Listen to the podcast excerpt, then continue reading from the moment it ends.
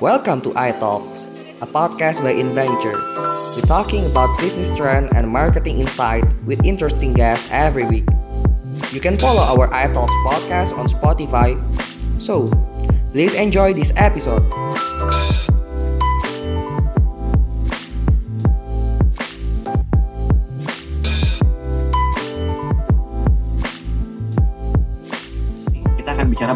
Hal yang berhubungan dengan kesuksesan dari uh, leadership seseorang ya. Nah, tapi kalau bicara masalah bagaimana caranya beliau untuk membuat satu perubahan atau agent of change dari sebuah kota yang ternyata ini kabupaten terluas loh di Pulau Jawa, termasuk mungkin juga penghasil ikan terbesar kedua di Indonesia, bahkan memiliki suku dan bahasa sendiri dan punya banyak tradisi dan budaya. Mungkin Anda pernah mendengar Banyuwangi. Nah, dulu ini dijuluki sebagai kota, maaf ya, kota santet katanya. Tapi sekarang telah berubah menjadi sebuah kota yang betul-betul identik dengan pariwisata kelas dunia. Dan konon kabarnya, nah ini bukan bukan mitos nih, narasumber saya satu ini mendampingi beliau untuk mensukseskan program-program yang diterapkan oleh Bapak Abdullah Azwar Anas atau Pak Triple A. Nah, kita akan coba bahas lebih jauh Bagaimanakah refleksi 10 tahun perjalanan dari Bapak Azwar Anas mengubah Banyuwangi? Saya sudah bersama dengan Mas Yusuf Hadi di virtual meeting. Selamat pagi, Mas Iwo, apa kabar?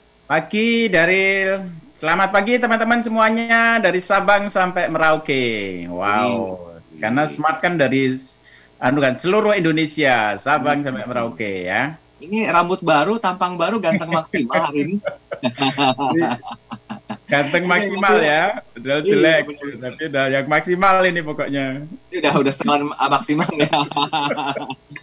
Oke, Mas Iwo, mungkin boleh diceritakan dulu eh, mengenai 10 tahun perjalanan dari Pak. Kita bilangnya nggak Pak eh, Pak A3 atau Pak Triple E nih?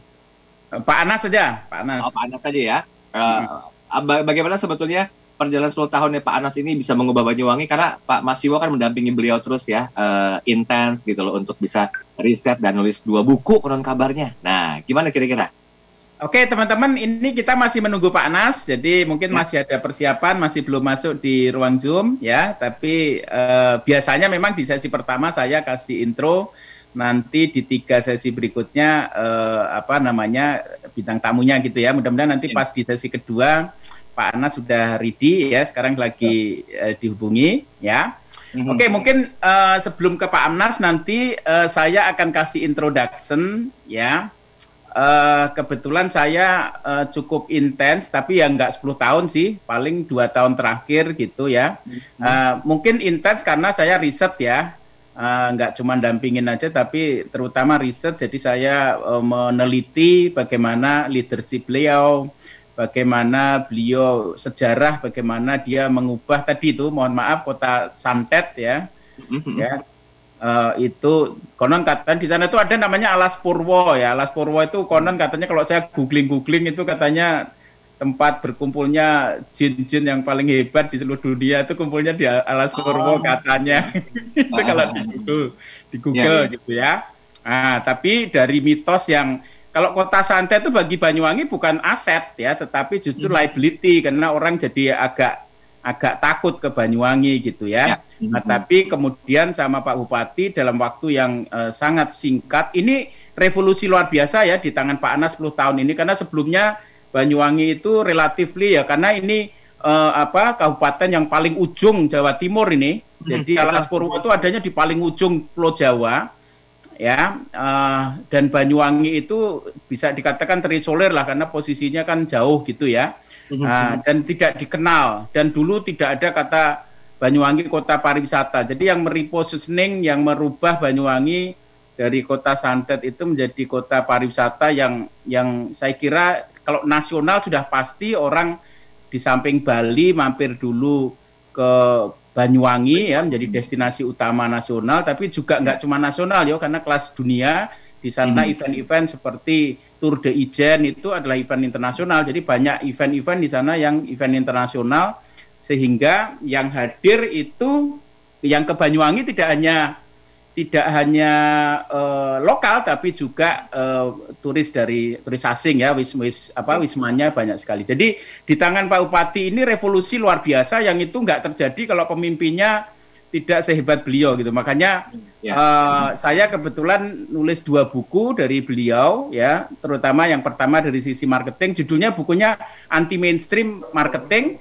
Terus okay. yang kedua adalah inovasi Banyuwangi. Nah, kenapa disebut anti mainstream? Karena memang Pak Bupati ini berpikirnya agak terbalik gitu ya. Jadi misalnya contohnya ya eh, promosi yang paling ampuh itu tidak berpromosi. Itu kan sesuatu hmm. kata yang yang agak anu ya agak nggak masuk akal gitu kita ah, hmm. cara paling ampuh berpromosi daerah itu adalah tidak berpromosi gitu kan promosi kok tidak berpromosi kan jadi aneh gitu ya itu namanya paradoks itu jadi ada 20 atau tips strategi dari Pak Bupati itu yang aneh-aneh nah, ini Pak Bupati sudah hadir ini mungkin bisa dikenalkan dulu Pak Mas Daril Oke, baik. Selamat pagi Pak Bupati. Assalamualaikum. Ini masih oh, connecting audio. Oke, sudah. Pak Bupati, selamat pagi. Assalamualaikum. Selamat pagi. Waalaikumsalam warahmatullahi wabarakatuh. Wah, gimana kabar sehat Pak Bupati ya? Alhamdulillah sehat-sehat. Saya mau izin, anaknya manggilnya apa Pak Bupati kah atau Pak Anas kah mungkin? Terserah Anas atau boleh terserah Anas aja yang lebih, lebih enak ya. Baik, Pak Anas tadi sempat di, diinformasikan di awal sama Mas Iwo bahwa ternyata beliau tuh mendampingi uh, secara total ya sehingga dua buku yang menarik itu berhasil dicetak yaitu yang saya menarik ya. untuk membahas tentang anti mainstream marketing nih. Kalau ya. apa Mas Iwo tadi kalau misalnya uh, marketing itu nggak perlu dipromosikan gitu ya? Bukan, jadi paradoks, paradoks itu ah, ah. mempromosikan Banyuwangi itu tidak melalui promosi gitu, tapi oh. melalui yang namanya word of mouth. Jadi Pak Bupati itu merawat betul orang-orang yang pernah ke Banyuwangi agar hmm. apa? Agar ngomong bagus ke orang lain. Jadi Pak Bupati nggak pernah pasang billboard di Soekarno Hatta gitu, nggak pernah karena mahal. Nah, Pak Bupati itu caranya yang yang murah. Misalnya semua uh, dinas adalah dinas pariwisata itu kalau dalam dalam apa uh, orang umum aneh hmm. juga lo gimana kan dinas itu kan ada pertanian, olahraga tadi sama Pak Bupati semua dinas pada waktu itu ya. Kalau sekarang kayaknya ya. dinas kesehatan ya Pak Bupati ya. Iya, iya. kalau dulu itu semua dinas adalah dinas dinas pariwisata. Nah, okay. gitu. Terus kemudian iya. apa namanya? Jadi banyak uh, strategi uh, apa namanya yang yang apa? nyeleneh lah. Ini namanya paradoks gitu. Nah, jadi mungkin langsung aja mumpung ada Pak Bupati ini kita manfaatkan waktunya sebaik mungkin juga hadir di sini ada Bapak Bupati Banyuwangi, Bapak Abdullah Azwar Anas yang akrab bisa Bapak Anas. Kita akan coba belajar sih sebetulnya dari potensi-potensi kreativitas yang sangat luar biasa dari sosok beliau agar ini paling tidak bisa diduplikasi ya menjadi sebuah benchmark sendiri agar tidak hanya Banyuwangi saja yang bisa menjadi kota pariwisata kelas dunia bahkan kalau nanti sharingnya itu diambil di, uh, sebagai sebuah insight tersendiri, ini akan jadi sebuah uh, momentum di mana hmm. para pemimpin itu juga bisa loh membuat satu perubahan untuk agent of change. Begitu ya, Mas Iwa ya? Ya. Oke, okay, mungkin okay, jadi teman-teman kebetulan Pak Bupati nanti seminggu lagi ini sudah secara resmi mengakhiri pengabdiannya di Bupati Banyuwangi. Jadi ini kalau pelajaran itu sudah 10 tahun itu sudah komplit jadi sudah sudah ujung sehingga kalau kita flashback itu pas. Mungkin Pak Bupati bisa cerita Pak jadi kondisi Bupati eh, kondisi Banyuwangi sebelum Pak Bupati ada dan kemudian apa yang dilakukan Pak Bupati ketika pertama kali melihat Banyuwangi seperti itu? Mungkin bisa flashback Pak Bupati. Ya, Baik, terima kasih. Terima kasih Mas siapa ini Smart FM, Mas Mas Daril. Mas Daril, terima kasih. Saya terima kasih kepada Pak uh, Yusuf Hadi karena menemani saya dan bisa mendeskripsikan pikiran dan problem-problem dengan baik. Terima kasih Pak Yusuf Hadi. Yeah. Ini yang hebat Pak Yusuf Hadi sebenarnya. nah, jadi memang e, Banyuwangi tentu di awal hampir sama dengan peta nasional tidak terlalu terlihat ya, karena hanya dari daerah transit saja menuju Bali. Dan kemiskinannya sangat tinggi 20 persen. Dan saya kira hampir menjadi problem semua daerah dan semua unit organisasi jadi direktur, jadi direksi, jadi kepala daerah maupun jadi apa pun ya, menurut saya pertama harus punya skala prioritas. Nah, skala prioritas itu penting karena tanpa skala prioritas kita tidak akan menemukan titik apa yang akan kita tuju menjadi prioritas kita. Yang kedua, tentu kita harus bisa mendefinisikan masalah yang ada di unit kerja itu. Termasuk saya ketika di Banyuwangi harus mendefinisikan apa yang terjadi di Banyuwangi. Uh, isu strategisnya apa? Karena kalau kita mengkopi program daerah lain padahal tidak sesuai dengan isu strategis kita di di kampung di daerah kita, tentu kita tidak akan uh, cepat untuk menyelesaikan masalah. Nah, di Banyuwangi itu 20,4 persen, tingkat kunjungan wisata setahun hanya 491 ribu orang. Nah, kemudian kami bergerak, kami lakukan kolaborasi eh, tokoh-tokoh agama, tokoh-tokoh masyarakat kami ajak bicara karena itu kunci. Begitu juga birokrasi sebagai penyangga utama kami konsolidasi karena birokrasi ini menjadi penyumbang utama untuk mendorong pelayanan publik menjadi lebih bagus dan seterusnya. Nah, dari situ kami butuh umbrella, butuh payung untuk menggerakkan ini semua. Karena ujungnya ini kan kesejahteraan rakyat, Mas.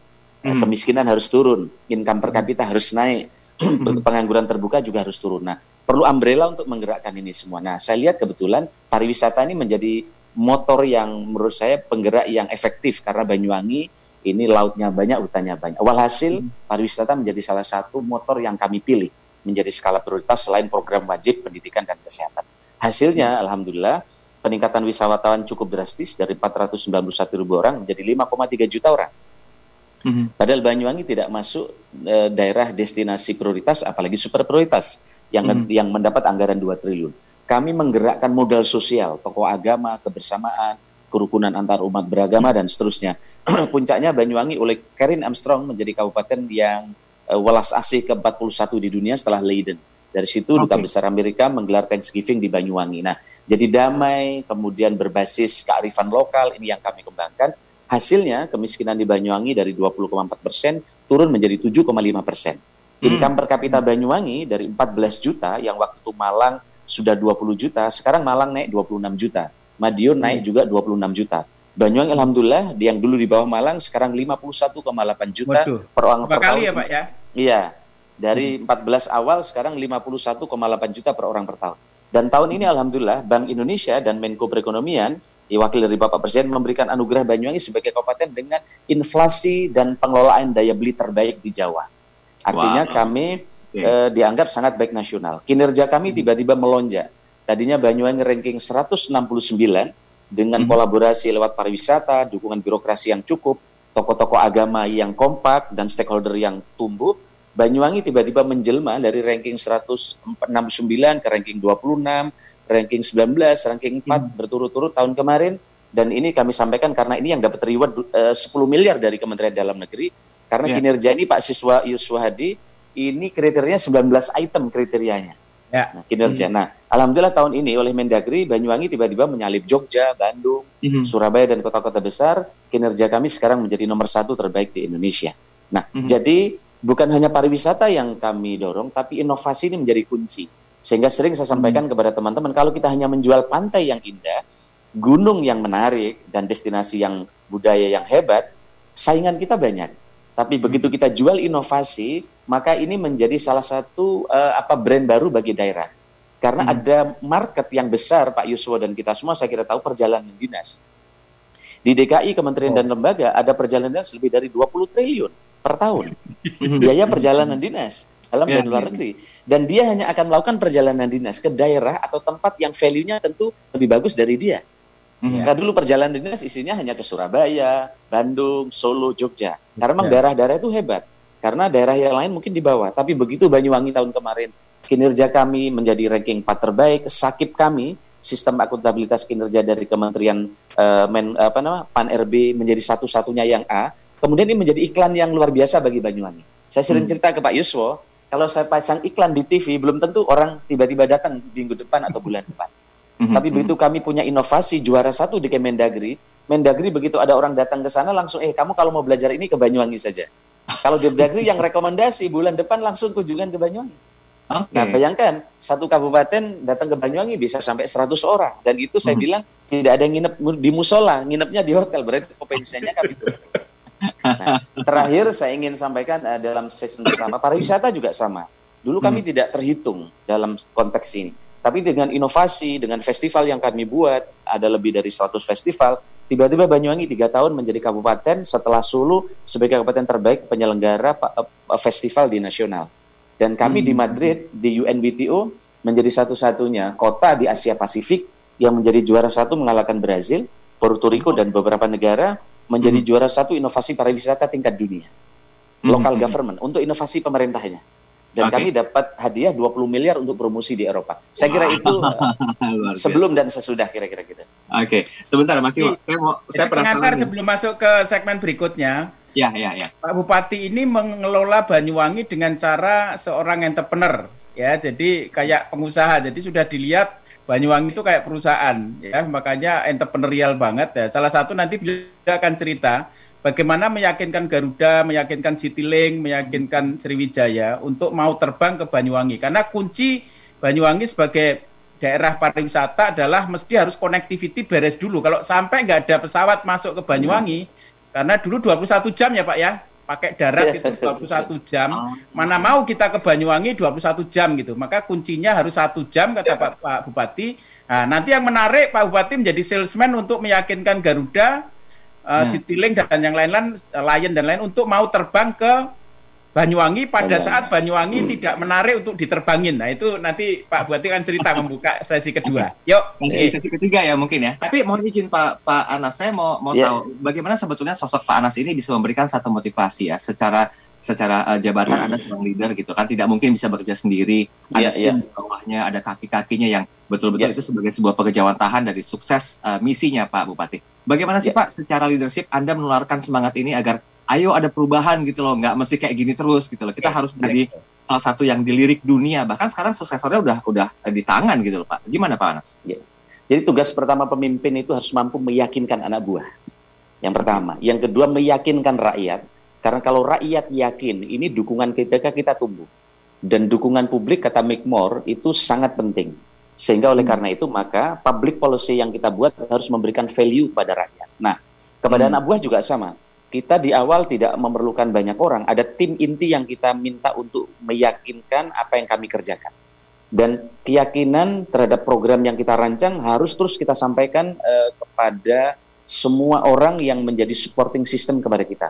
Pertama birokrasi dan tokoh-tokoh agama. Di awalnya orang tidak percaya. Bahkan kami menggelar festival pun eh, DPR belum percaya sampai tahun ketiga. Nah, kami setiap upacara kami yakinkan apa yang akan kami kerjakan. Ini misalnya ini di upacara sehingga ketika di upacara kami sampaikan tukang sapu pun ngerti apa yang akan kami kerjakan bulan ini dan hmm. kira-kira bulan depan. Tentu tidak semua orang suka karena kemudian menuntut kerja keras, kerja keras. Tanpa kerja keras saya kira kita tidak bisa. Kami yakinkan kepada semuanya dari sejarah Banyuwangi masa lalu sebagai kerajaan yang paling akhir ditaklukan di tanah Jawa, ini pasti punya uh, heroisme yang hebat. Dan hmm. ini kita bangkitkan sejarah masa lalu. Dan kami yakinkan bahwa kita bisa, kira-kira gitu. Dan ternyata betul kinerja mereka bangkit, mereka bergerak bersama-sama, dukungan publik juga tumbuh dari dari satu sisi ke sisi yang lain terus tumbuh dan tiba-tiba kami dapat penghargaan dan itu menjadi uh, angin segar kami dan orang-orang terus mm-hmm. bersemangat. Tapi mm-hmm. kunci dari pergerakan ini semua selain yang kami sampaikan dukungan publik, mengkonsolidasi berbagai supporting yang ada di kanan kiri kita, nomor satu saya bilang ketika kita bicara pariwisata maupun apa pun adalah kota ini harus bersih lingkungan kita hmm. harus nyaman. Maka pertama kali yang kami gelar adalah waktu itu saya ingat betul kita memecahkan rekor menyapu dari ujung kota ke ujung desa. Semua orang kami ajak megang sapu di di bulan pertama, bulan kedua kami menjabat. ASN semua keluar pegang sapu di pinggir jalan. Sehingga waktu itu penyapuan terpanjang itu ada di Kabupaten Banyuwangi. Karena oh. waktu itu kami kota terkotor nomor dua di Jawa Timur. Apa yang bisa kita jual? Kita tidak perlu membangun fisik, yang penting kota kita bersih. Kami gelar festival toilet bersih. Kami hmm. gelar festival kali bersih. Karena hmm. kalau toilet kita bersih, kali kita bersih, itu menjadi modal. Maka anak-anak TK, sekolah, gereja, pura, dan seterusnya, kemudian mendorong sungai-sungai kita bersih, eh, menjadi bersih, dan menjadi kolam-kolam ikan baru yang dulu eh, sungai-sungai kita yang kotor. Ini dari yang kecil, yang yeah. awal kira-kira gitu. Nah, kalau lingkungan kita bersih, nyaman, taman kita saya bikin uh, tidak terlalu banyak macam-macamnya kecuali landscape pakai rumput kira-kira hmm. kayak Melbourne style lah jadi yang ya, ya, murah ya, ya. mudah dan itu ya bisa difungsikan dengan uh, dan yang berikutnya kenapa pariwisata kami jadikan umbrella ternyata pariwisata itu menarik buat saya kalau hmm. uh, PR-nya pas itu tiga bulan lagi Pak Yusuf hasilnya kelihatan ya. nah, yang kedua pariwisata ini uh, merubah perilaku orang tidak mungkin kalau kotanya jorok dijual maka dia harus bersih. Hmm. Tidak mungkin toiletnya jorok kalau jual pariwisata. Jadi sehingga pariwisata ini mendorong uh, menjadi alat konsolidasi merubah budaya orang. Yang jadi jorok jadi bersih, yang tidak senyum jadi senyum, hmm. dan dia dapat langsung dampak dari itu. Sehingga pariwisata ini menjadi kunci yang mudah untuk mendorong perubahan orang untuk lebih ramah, lebih bersih, disiplin dan seterusnya. Ini kita lihat di Muncar fotonya. Muncar ya, ya. dulu termasuk yang terkotor, hmm. kotor sekali ini penghasil ikan terbesar. Kami susah hmm. mengonsolidasi mereka. Maka kami bikin event karena orang Madura di Buncar budayanya dua. Satu hmm. kalau ada tamoy dia bersih, kalau ada tamu dia akan bersih rumahnya. Hmm. Yang ketiga kalau lebaran baru dia bersih-bersih. Akhirnya kita bikin banyak tamu, kita bikin festival. Eh, kemudian sekarang jadi bersih di Muncar yang tadinya kotor. Jadi pendekatan budaya dan seterusnya. Sehingga event ini menjadi alat pendorong untuk orang berubah. Kira-kira gitu. Ini mungkin Mas Iwo boleh langsung dilihat Mas Iwo karena kita Oke, perlu. Tadi Pak uh, Anas, Pak Bupati. Jadi kalau kita ngomong pariwisata maka connect connectivity ada 3A, connectivity, amenity sama atraksi ya. Atraksi, Yang paling ya. penting adalah kita mau ngomong pariwisata Banyuwangi tapi mencapai ke sana 21 jam itu bullshit gitu kira-kira. Mm -hmm. Makanya yang iya. dilakukan yeah. pertama Pak Bupati adalah bangun bandara. Benar. Tapi nggak cuma bangun karena kalau sudah bangun kalau nggak ada yang mengunjungi maskapainya nggak mau ke sana juga nggak ada gunanya. Ini ya. ini yang saya terinspirasi itu cerita mengenai Pak Bupati meyakinkan uh, airline nih Pak Maskap. Bupati gimana Pak Bupati cerita ya. Pak Bupati. Ya, jadi waktu itu memang eh, kami menjadi problem krusial soal penerbangan ini. Apalagi waktu itu ada Lapindo, sehingga dari Surabaya ke Banyuwangi sangat butuh waktu panjang sekali ketika kami baru jadi. Maka kami waktu itu memberanikan diri program 100 hari kami bandara harus beroperasi. Jadi kami target. Jadi kita ini harus punya target memang kalau kerja, Pak. Nah, kebetulan saya itu pernah di Komisi 5 waktu itu, saya ketemu dengan maskapai. Nah, waktu itu saya punya tim dan kebetulan kami punya hubungan dengan beberapa orang di Jakarta, tapi ternyata tidak mudah. Banyak teman-teman punya bandara, tidak bisa ada pesawat datang ke tempat itu. Nah, waktu itu saya bertemu, prinsipnya agak beda dengan teman-teman. Kalau teman-teman langsung gengsi pakai pesawat besar, Pak Yusuf. Kami waktu itu hanya melobi pesawat kecil, yang 9 seat. Karena yang dihitung di maskapai itu bukan jumlah penumpang, tapi okupansi berapa persen. Ya. Nah, teman-teman yang pakai pesawat 50 seat itu harus mensubsidi orang untuk memenuhi agar okupansinya tinggi. Nah, kami hanya pakai Grand Caravan dengan 9 seat. Itu tidak ada subsidi dan kalau isinya 8 orang atau itu sudah okupansi sudah 90 persen kan gitu. Nah, kami sampaikan kepada mereka, tapi sampaikan saya sampaikan kepada operatornya, kami tidak bisa subsidi. Kami harapan kami uh, bisnis bisnis, seluruh supportingnya kami di daerah kami yang kerjakan termasuk promosi dan lain-lain. Akhirnya dia datang ke Banyuwangi dan mau membuka rute Banyuwangi, Surabaya, Banyuwangi, dan Pasar. Dan program ini kemudian berjalan dari penumpang yang sedikit, rutenya terbentuk, okupansinya tinggi, kemudian waktu berikutnya adalah kita e, membuka pesawat yang lebih besar. Dan hmm. ini mungkin di awal kami satu-satunya yang tidak pakai subsidi, karena kami ingin bisnis to bisnis, karena bagi saya orang yang naik pesawat itu orang kaya, bukan orang miskin. Maka tidak boleh disubsidi oleh daerah, kira-kira gitu. Hmm. Dan Alhamdulillah bisa berjalan, Bandara padahal lebih dulu Jember dibuka penerbangannya. Mungkin Jember prioritasnya berbeda, strateginya juga berbeda.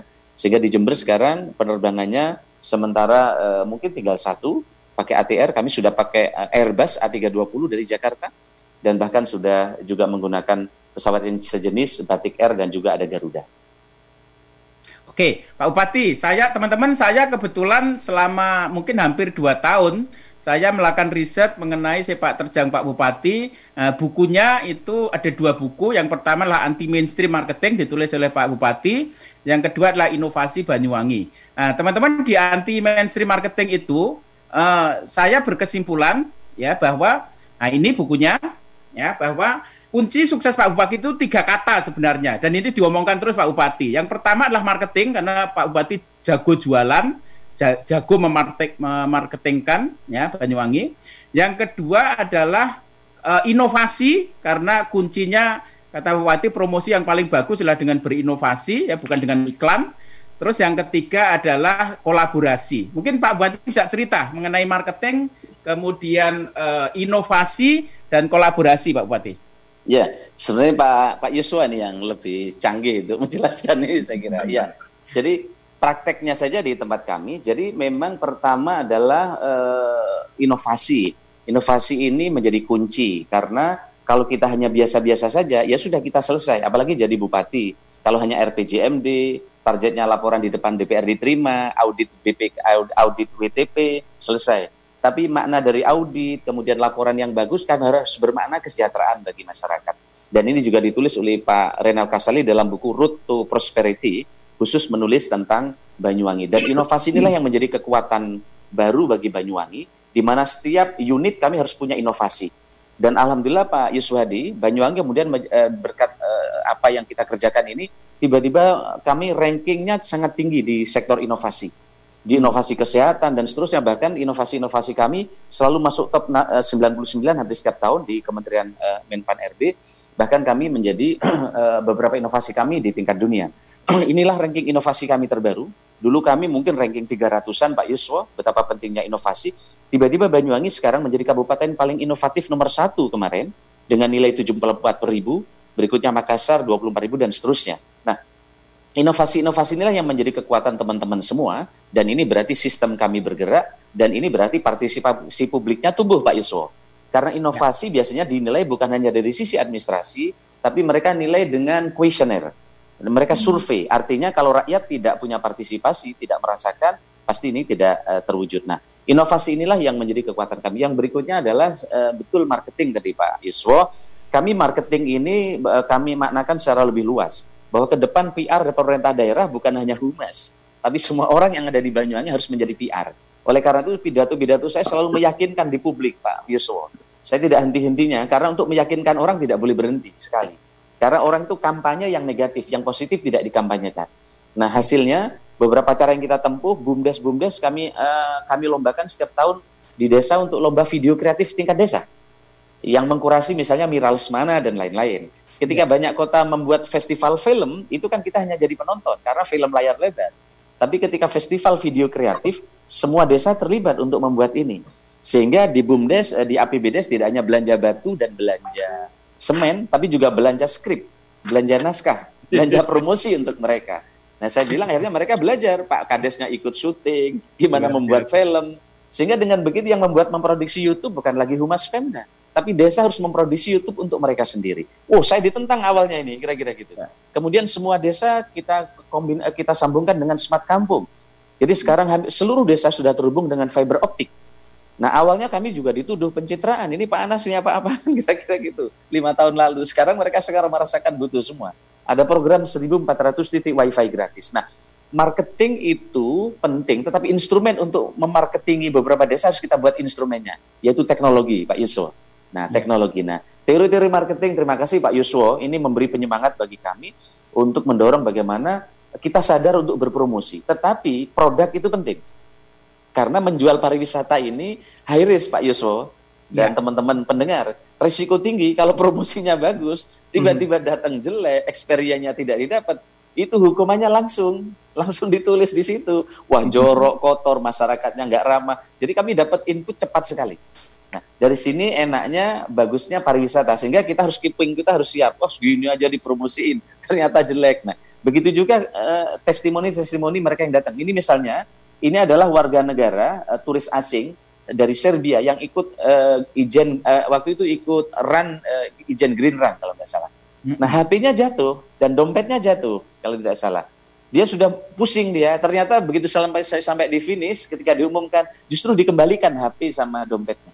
Wow. Nah, dari sini mereka bercerita kepada teman-temannya, oh kira-kira gitu. Nah, ya alhamdulillah testimoni-testimoni positif ini kemudian terus tumbuh di Banyuwangi. Dan kami tidak harus merubah banyak.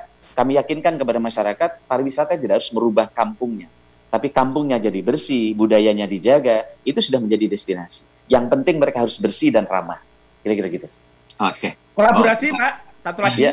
ya. Oh ya. Ya, kolaborasi, betul. Kolaborasi ini kunci karena tangan pemerintah ini terbatas.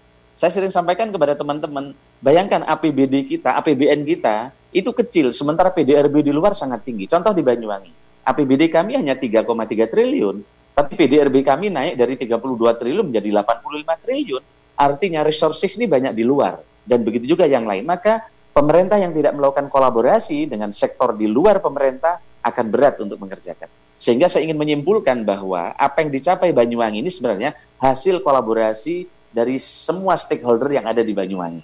Sehingga kita ini hanya menjadi anu, menjadi seperti sendok saja. Saya sering ceritakan kita dulu punya sandal swallow. Sandal swallow zaman kita kecil itu hebat. Tapi tiba-tiba sandal swallow redup, hampir hilang di peredaran. Apalagi bersaing karena dia tidak berinovasi dan tidak berkolaborasi. Akhirnya sandal swallow ini berkolaborasi dengan produk makanan. Sehingga sekarang swallow mulai menggeliat lagi dan mulai mulai akan memenangkan pertarungan lagi. Kira-kira gitu. Ini ada satu hal yang menarik ya Mas Iwo ya, bahwa ternyata kalau setiap jejak yang ditinggalkan itu akan berbau wangi ketika hal itu diturunkan kepada generasi penerusnya. Nah, mungkin secara motivasi kita perlu bahas juga nih, Pak Anas, bagaimana sebetulnya uh, bentuk transformasi yang akan Bapak lakukan kepada generasi penerus uh, pemimpin berikutnya agar hal ini tidak hanya menjadi sebuah kenangan, tapi patut untuk diteruskan gitu. Challengingnya kan di situ gitu loh, untuk bisa yeah. menjadi yang terbaik, mempertahankan komitmen di level teratas itu agak sulit sebetulnya. Yeah. Ya, Mas Jadi sebelum ke situ, saya pengen tanya ini yang ringan-ringan tapi menarik ya. Ini salah satu inovasi di Banyuwangi itu ada namanya Mall Orang Sehat. Jadi kalau di daerah-daerah lain kita kenalnya rumah sakit, ya. tapi Pak Bupati ini agak nyeleneh bikin mall orang sehat. Nah, nanti mohon bisa cerita Pak Bupati itu idenya gimana? Termasuk juga bagaimana hmm. memarketingkan Alas Purwo. Sekarang juga lagi rame dukun sadat nih Pak Pak Bupati. Nah, ini yeah. cara berpikir para Pak Bupati kayak apa? Nanti kita coba lihat ya. Mulai dari Boleh. anu Pak, Mall orang sehat Pak. Iya. Ya pertama saya lihat BPJS ini kan kurang terus Pak. Berapa triliun pun Presiden menyiapkan BPJS ini nggak cukup-cukup. Saya lihat ada perilaku yang agak berbeda. Dulu saya kalau sakit cukup dikerok sembuh Mas. Zaman saya kecil kalau sakit minum temulawak sembuh. Atau kalau sakit paling dikit dipijet, di dukun pijet selesai. Sekarang orang sakit dikit maunya didorong ke puskesmas, ke rumah sakit karena ada obat dan seterusnya. Nah ini ada paradigma yang berubah. Maka oleh karena itu kalau ini tidak dirubah, berapapun uang yang disiapkan oleh Pak Presiden nggak akan cukup di BPJS. Karena jumlah penduduk kita besar sekali, edukasinya nggak cukup. Maka oleh karena itu, puskesmas harus menjadi mall orang sehat. Di mana orang yang datang adalah orang yang belum sakit tapi sudah berkonsultasi. Oh, kalau geringin nopo gini, oh jenengan pun kata kekatan dahar kacang, empun asa empun uh, dahar surujak sutu saya kata anune napa uh, dalemannya saya karena nanti itu bisa jadi asam urat. Nah, itu penting maka oleh karena itu eh, kami kami sampaikan bahwa orang yang datang bukan hanya orang yang sakit. Maka sekarang kami kasih riwet bukan berapa banyak pasien yang datang, tapi berapa banyak orang yang berkonsultasi kesehatan. Dan hasilnya ini cukup menarik, cukup menekan uh, jumlah orang yang berobat dalam konteks uh, ke puskesmas ya, begitu juga ke rumah sakit, uh, menekan BPJS. Nah, ini yang kedua adalah terkait dengan alas purwo, semakin misteri semakin menarik kira-kira gitu. Nah, maka Alas Purwa itu kan tempat orang ingin mendapatkan uh, apa namanya ketenangan yang hubungannya dengan makrokosmos kira-kira gitu. Dulu jalannya jelek, nah sekarang kita bikin yang bagus karena ekosistemnya cukup menarik di tempat ini. Dan karena menjadi taman nasional, orang tidak boleh memotong pohon, apalagi jangan potong pohon. Ada pohon roboh di bawah keluar aja nggak bisa. Maka ekosistem di Jawa yang masih sangat origin, masih sangat menarik adalah di Alas Purwo. Sekarang muncul isu perdunu dukun santet. Kalau saya sih ini nanti pelan-pelan kita dorong menjadi anti mainstream marketing, Pak. Nggak apa-apa, Pak. Yang penting santet, santetnya kan nggak ada. Sama dengan waktu itu isu apa namanya uh, las, uh, penari apa? Nah, waktu itu yang uh, penari ya. Ya di Banyuwangi. Orang kan jadi rame ingin ke Banyuwangi. Nah, nggak apa-apa sekarang. Uh, yang pasti setiap desa kami sudah ada apa namanya ada fiber optik munculnya isu santet, isu ini itu bagi saya hanya ya isu untuk mendorong menarik perhatian Banyuwangi. Ketika orang jenuh lihat sesuatu yang di internet terus, bosen lihat sesuatu, lihat ingin yang tidak nyata juga, kita lihat bagaimana hmm. masa lalu. Nah, Banyuwangi anak-anak bisa bikin isu itu, tapi sebenarnya sudah tidak ada eh, isu-isu uh, itu. Tapi ini menarik dari sisi isu yang kemudian viral di Banyuwangi. Tapi nggak apa-apa, biar, biar Pak Yuswo ke Banyuwangi lagi kira-kira. Gitu. nah, ke begitu depan, juga kita gelar. Uh, uh-uh. Yeah, Pak, ya. enggak. Monggo Pak Boti. Gimana Pak Yusuf? Gimana Pak Enggak, ke sebelum ke depan ini juga yang menarik adalah setahun terakhir Pak Bupati menjabat itu ada pandemi, tetapi ya. sekali lagi Banyuwangi juga inovasi terdepan ya. dalam hal penanganan pandemi. Boleh cerita Pak, setahun terakhir ini apa yang dilakukan ya. agar pariwisata konon saya diceritain sama Pak Kadis masih 80% hotel di Banyuwangi sementara kalau uh, okupansinya kalau di Bali itu 5%, 4% gitu. Itu ya. apa yang dilakukan Pak Bupati? Ya di awal kami harus detail. Ketika pandemi muncul, ini waduh tantangan berat. Maka kami bergerak cepat dengan teman-teman harus mendefinisikan arahan Pak Presiden, arahan Pak Menteri, arahan Pak Gubernur yang kepada kami. Maka kami definisikan seperti ini. Kami kumpulkan pelaku wisata before and after apa yang mereka harus kerjakan. Saya bilang kalau kita tidak bergerak sekarang pilihannya dua. Kita tidak bergerak kemudian ekonomi kita terhenti atau bergerak dengan protokol kesehatan yang kuat. Akhirnya kita kerjakan seperti ini termasuk ketika new normal di tingkat pelayanan publik belum ada Banyuwangi yang pertama termasuk sertifikasi di restoran Banyuwangi termasuk yang pertama. Nah, dari apa yang kita kerjakan yang pertama tadi, termasuk sertifikasi kepada pemandu wisata, kemudian muncul survei di Traveloka. Traveloka mensurvei harapan publik setelah pandemi ini mau berwisata ke mana, Pak Yuswo? Nah, inilah krisis kita digunakan peluang Pak Yusuf. Kalau nggak ada COVID nggak muncul seperti ini Pak Yusuf. Tiba-tiba Banyuwangi menjadi yang ketiga yang diminati oleh para traveler. Nah, karena gencarnya kami menyampaikan prokes yang kita kerjakan dan juga protokol yang lain di Banyuwangi. Yang dulu Banyuwangi tidak masuk 10 besar, 20 besar saja tidak masuk. Tapi karena kesiapan kami di pandemi, kemudian Banyuwangi menjadi ranking tiga terbaik, uh, sorry, keinginan publik untuk didatangi setelah Bali dan Jogja. Dan puncaknya Pak Yuswo, Banyuwangi menjadi destinasi yang di-reopening pertama oleh Bapak Presiden, di mana beliau datang ke Banyuwangi. Jadi ini bertubi-tubi Pak Yuswo tidak harus kampanye saya Pak Presiden datang, orang datang kemudian tamu terus bertubi-tubi datang Pak Yuswo. Dan ini kami kesempatan menjadi bagian dari strategi marketing yang kami kerjakan. Dan beliau datang tidak di tempat hotel-hotel yang mewah, tapi di tempat uh, resort yang rumah tradisional di pinggir pantai. Sehingga ini kami menjadi yang pertama dan alhamdulillah kami sampaikan kepada teman-teman untuk menjaga protokol kesehatan dan memang Desember kemarin juga tidak ada hotel yang bisa apa uh, tidak cukup hotel untuk tamu-tamu yang datang dan seterusnya dan seterusnya. Jadi ini adalah momentum. Jadi yang terakhir menurut saya momentum Pak Pak Anu Pak Momentum penting. Momentum penting. Karena ya. kalau lewat ya ini momentumnya waktu itu pas kira-kira gitu.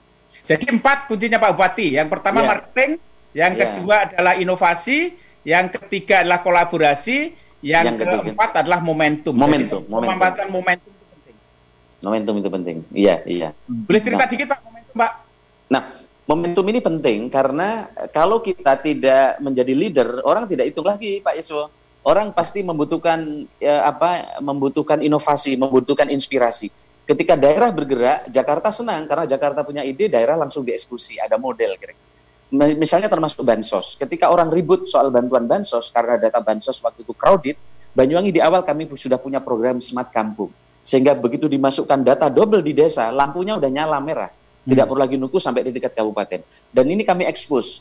Dan data bansos tidak hanya kami umumkan di desa, tapi kami letakkan di gereja, kami letakkan di masjid orang kalau jumatan dan orang kan malu kadang ke desa eh mhm. dulurku selebu gurung kan malu tapi kalau pura-pura sambil sholat ke gereja lihat saudaranya kan enak jadi nggak usah ngeroweng di medsos dia udah lihat oh sudah masuk yang belum kira-kira gitu Pak Isto dan kami siapkan komplain secara online dan juga mereka ketika datang yang ini contoh saya tempel di masjid-masjid Pak Yusuf ya mhm. nah sehingga ini menjadi ruang bagi rakyat untuk mengontrol apakah dirinya saudaranya atau tetangganya sudah dapat atau belum Nah, ini adalah inovasi ketika musim Covid. Nah, sekarang ini sudah tidak menarik lagi karena sudah tidak relevan, tapi momentum waktu itu Pak Yuswo ketika ya. ada crowded data ini menjadi menarik. Kira-kira gitu. Jadi momentum okay. itu penting, termasuk kami membagi Baik. bansos di lokasi wisata Pak Yuswo ya. untuk mereopening destinasi. Oke, okay, terakhir Pak Bupati, ya. Uh, seorang pemimpin harus living legacy, meninggalkan ya. warisan dan warisan itu adalah pemimpin uh, apa other leaders ya, leader create ya. other leaders. Nah, ya. ke depan gimana nih Pak Bupati ketika ya. Pak Bupati ini menjadi apa namanya fenomena menjadi karismatik tetapi mesti harus bisa me, apa mem, membangun SDM yang akan menjadi penerus bagi pembangunan Banyuwangi ke depan apa Pak yang dilakukan? Ya. Pertama saya terima kasih berkenalan dengan Pak Yuswo karena bersama Pak Yuswo saya bisa mendeskripsikan ide, pandangan, gagasan yang itu akan menjadi legacy bagi setiap orang yang ingin tahu tentang Banyuwangi dan kami bisa berbagi bersedekah ilmu tentang Banyuwangi bersama Pak Yusuf Hadi dengan beberapa buku ini. Yang pertama. Yang kedua memang di, di Indonesia masih paternalistik. Leader itu masih penting, apalagi kepala daerah yang di, yang dipilih secara politik. Kadang ganti pemerintahan, ganti ganti prioritas dan seterusnya. Maka yang kami kerjakan adalah kami membuat sistem secara online beberapa uh, instrumen untuk memberikan pelayanan. Tetapi memang Pak Yuswo dan teman-teman semua ini tidak menjadi jaminan meskipun perda sudah ada karena memang leadership itu masih menjadi bagian penting dari proses birokrasi dan pengambilan keputusan di satu unit organisasi. Nah, yang berikutnya adalah kami eh, telah membuat standarisasi, kami bukan buat mall pelayanan publik, di mana mall pelayanan publik ini menjadi instrumen untuk mendorong pelayanan sehingga siapa pun yang menggantikan kami, pelayanan publik ini, harapan kami terus bisa jalan. Kami juga punya pasar pelayanan publik Nah, pasar pelayanan publik ini, pelayanan publik yang ada di tengah pasar, yang terintegrasi dengan berbagai sistem yang sempat ditinjau oleh Bapak Presiden, target kami ini terus bisa lebih banyak lagi, sehingga masyarakat lebih mudah untuk mendapatkan akses. Apalagi ke depan, Undang-Undang Cipta Kerja sudah juga uh, akan diundangkan, tentu ini akan membuat percepatan investasi dan pelayanan yang tidak bisa dihambat oleh orang yang berkuasa di daerah sekalipun. Oke, baik. Mas Iwo, mungkin boleh melengkapi di tiga menit terakhir apa yang yang mungkin Anda dapatkan, Mas Iwo, dari uh, ketemu langsung dengan Pak Anas sampai dengan mungkin juga harus uh, meninggalkan kepemimpinannya di Banyuwangi. Uh, apa ya. insight-nya Mas Iwo? Oke, jadi betul leader create other leader, teman-teman. Jadi saya menjadi saksi ya, karena saya juga selain berhubungan banyak dengan Pak Bupati, saya banyak berhubungan dengan teman-teman kadis ya, kepala dinas uh, di apa di Banyuwangi. Dan saya banyak bergaul dengan mereka ya. Lama kelamaan saya lihat mereka ini udah kayak Pak Bupati gitu ya. Jadi marketing, kemudian inovasi gitu ya, kolaborasi. Jadi pikiran-pikiran Pak Bupati, perilaku Pak Bupati, core values-nya Pak Bupati itu karena Pak Bupati langsung apa terjun di lapangan kerja bareng mereka, akhirnya nular. Jadi memang culture itu nular. Kalau pemimpin yang hebat dia ngegrip ke bawah, maka culture itu nular. Makanya saya menjadi saksi bahwa para kadis pun ya ke, apa kepala puskesmas, kepala rumah sakit, kepala sekolah gitu ya. Karena Pak Bupati ini intens sekali bergaul dengan dengan stakeholder. Nah, hmm. mereka ini yang akan jadi penerus Pak Bupati itu sudah karakternya sudah hampir sama. Jadi sudah mikirnya hmm. inovasi, mikirnya marketing ya, mikirnya uh, kolaborasi dan mikirnya momentum gitu. Makanya ini menarik nanti task case juga Pak Bupati ya teman-teman kadis nanti mesti harus bisa melanjutkan uh, pikiran Pak Bupati dengan culture yang sudah dibangun. Jadi Pak Bupati tidak hanya masalah strategi, tapi yang paling penting adalah bangun people, uh, create adult reader.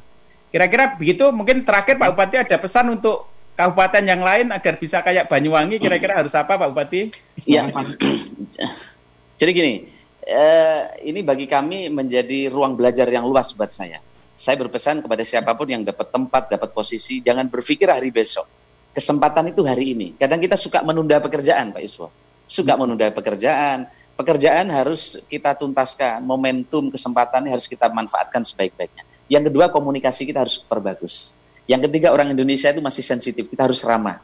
Gak bisa ngajak orang dengan bersengut, nggak bisa. Kita harus ramah. Meskipun lelah, kita sedang lapar ya gigi kita kita keluarkan sedikit untuk berkomunikasi dengan orang. Karena karena apa saya merasakan bahwa uh, fisik kita itu sangat menentukan kadang untuk berkomunikasi dengan orang. Yang berikutnya berkomunikasilah dengan rendah hati. Meskipun kita tahu banyak hal sampaikanlah kepada mereka untuk seperti kita tahu sedikit hal. Karena hmm. banyak orang Indonesia itu tidak mau digurui kan Yeah. Jadi kita harus ya rendah hati dan seterusnya. Nah strategi komunikasi ini kadang juga menentukan hal-hal remeh-temeh, tapi membawa pada kesuksesan berikutnya. Yang okay. paling akhir menurut saya adalah di antara semua pekerjaan yang kita kerjakan, kita harus bersandar, bersandar diri dan selalu berdoa kepada Allah Tuhan yang Maha Kuasa. Karena apa yang kita kerjakan tidak akan sukses jika tidak ada kehendak Allah Tuhan yang Maha Kuasa. Ketika wow. kita ikhtiar dan berdoa kita sandarkan, maka kita akan selalu bahagia, tidak tidak akan menyesal karena pasti takdir itu akan sesuai dengan ikhtiar yang dikerjakan oleh umat. Amin. Saya kira itu. Mas. Pak Anas, terima kasih banyak. Kami ya. doakan sehat-sehat selalu, uh, kemudian Amin. juga mampu memberikan hal yang positif ya setelah nanti Amin. Bapak jadi warga negara biasa saja, tidak menjawab lagi sebagai bupati, tapi Amin. ada terus yang diwariskan ilmunya. Mas Iwo, thank you ya waktunya ya. Terima kasih, Bupati, makasih, Daril. Terima kasih. Hmm, ya. Terima kasih, Pak Siwo. Lagi dengan perbincangan berikutnya. Dan seperti itu terima kasih banyak sudah bergabung bersama kami. Nantikan perjumpaan saya bersama Mas Yusuf Hadi di dua minggu ke depan dengan tema dan pembahasan yang berbeda. Saya dari Adam pamit undur diri. Wabillahi taufiq hidayah. Wassalamualaikum warahmatullahi wabarakatuh. Selamat pagi dan selamat menikmati.